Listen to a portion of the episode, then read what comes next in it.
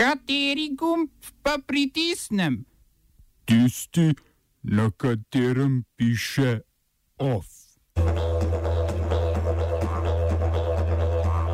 Dobr dan. V Ljubljani se danes začenja srečanje trilateralne komisije, nevladne in zasebne organizacije, ki jo je ustanovil zdaj že pokojni bančnik David Rockefeller, vnuk najbogatejšega američana vseh časov Johna D. Rockefellerja.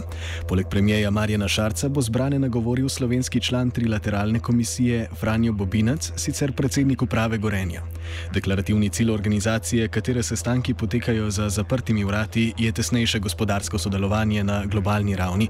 Tema tokratnega srečanja lože v Ljubljani pa je prihodnost Evrope desetletje po propadu banke Lehman Brothers.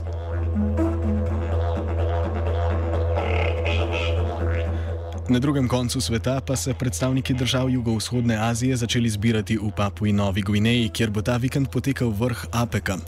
Prvi je v Port Moresby prispel kitajski predsednik Xi Jinping in se zapeljal po novo zgrajeni šestpasovnici, ki jo je financirala Ljudska republika sama, 10,6 milijona evrov za prav posebno rdečo preprogo.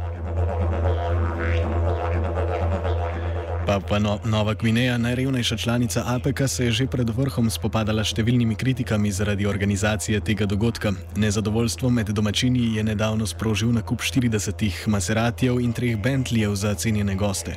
Dodaten ogen so pod premijejem Petrom O'Neillom zakorila razkritja novinarjev britanskega časnika The Guardian o sumih korupcije pri več poslih v povezavi z gradnjo mostov.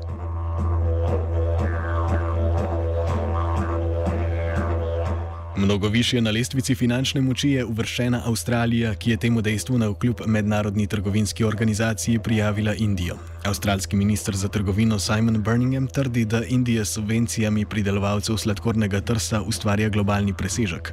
Indija zavrača obtožbe in pravi, da deluje v skladu s pravili in ponuja subvencije zgolj na domačem in ne na tujem trgu.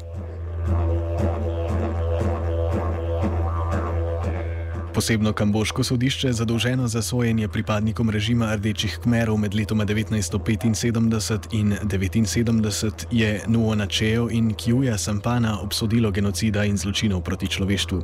Nekdanja vidna člana režima in tesna sodelavca generalnega sekretarja takratne partije Pol Pota sta stara že 92 oziroma 87 let. Gre pa za prvo obsodbo, ki je ravnanje oblasti, ki so privedla do smrti četrtine takratnega prebivalstva, označila za genocid. Sodiščem se za zdaj še vedno uspešno izogiba nekdani predsednik uprave Agrokorja Ivica Todorič.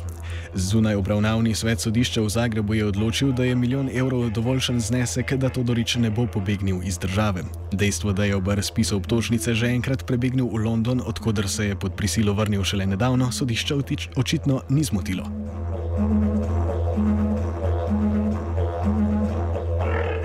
Nekdani premijer Makedonije Nikola Grujevski pa se lastnim korupcijskim procesom izogiba na mačarskem. Albanske oblasti so razkrile detajle pobega Grujevskega, ki je do prijatelja Viktorja Orbana očitno prispel preko Albanije in se na to kar v vozilu z mačarskimi diplomatskimi tablicami odpravil preko Črne Gore na sever.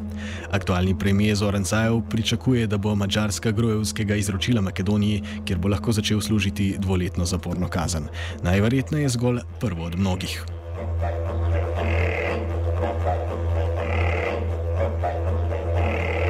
Še ena korupcijska afera, tista na Češkem, pa grozi tamkajšnjemu premijeju Andreju Babišu. Pri aferi imenovani Štorklino gnezdo gre za domnevne poneverbe v zvezi s subvencijami Evropske unije pri gradnji luksuznega hotelskega naselja, v katero naj bi bilo upleteno eno od Babiševih podjetij. Za razborjenje v vladnem kabinetu in na ulicah Prage je poskrbel Babišev sin s trditvijo, da ga je eden od očetovih sodelavcev odpeljal na Krim, da ne bi javno pričal o nepravilnostih. Premijer pravi, da je njegov sin, ki trenutno živi v Švici, opoziciji psihično bolan in schizofrenik.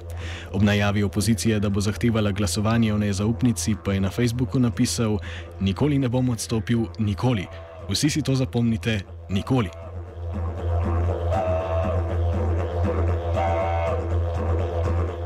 Laura Lončar, načelnik upravne enote Ljubljana, je pokazal več razumevanja do nezadovoljstva in odstopil svoje funkcije. Lončar pravi, da s to potezo ne sprejema odgovornosti zaradi stavke. Ta je bila sicer zaradi odstopa zamrznjena do torka, zahteva zaposlenih, da nočejo več delati nadur, pa ostajajo.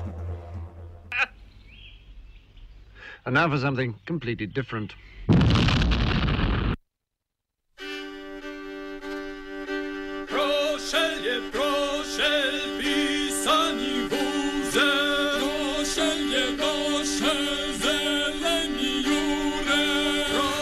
Kaj se zgodi, ko zajebeš zelene in pošlješ vabilo na soočenje napačnim zelenim?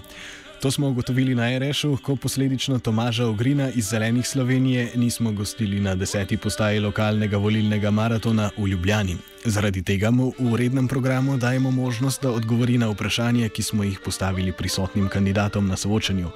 Prva točka: stanovanska problematika.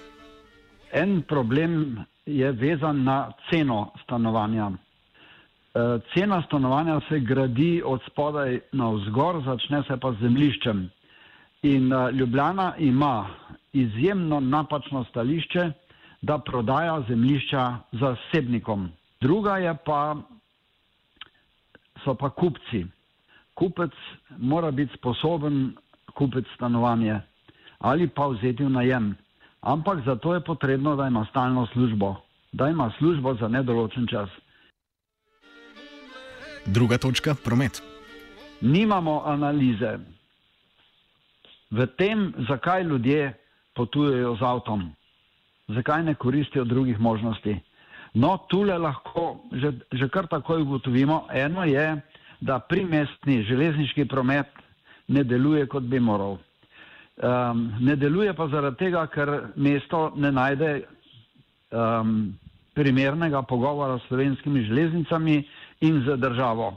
Tule imam jaz lažji položaj od sedanjega župana, ker nisem tak ego in se lahko pogovarjam z slovenskimi železnicami. Tretja točka: avtonomni placi. Ja, tega je premalo. Torej, um, kar se tiče roga, najprej konkretno, tu seveda pogrešam dialog. Ne, torej, ta župan ni sposoben se pogovarjati z ljudmi, on bi vse počistil, potem pa nekaj po svoje naredil. Off je pripravil Antonijo.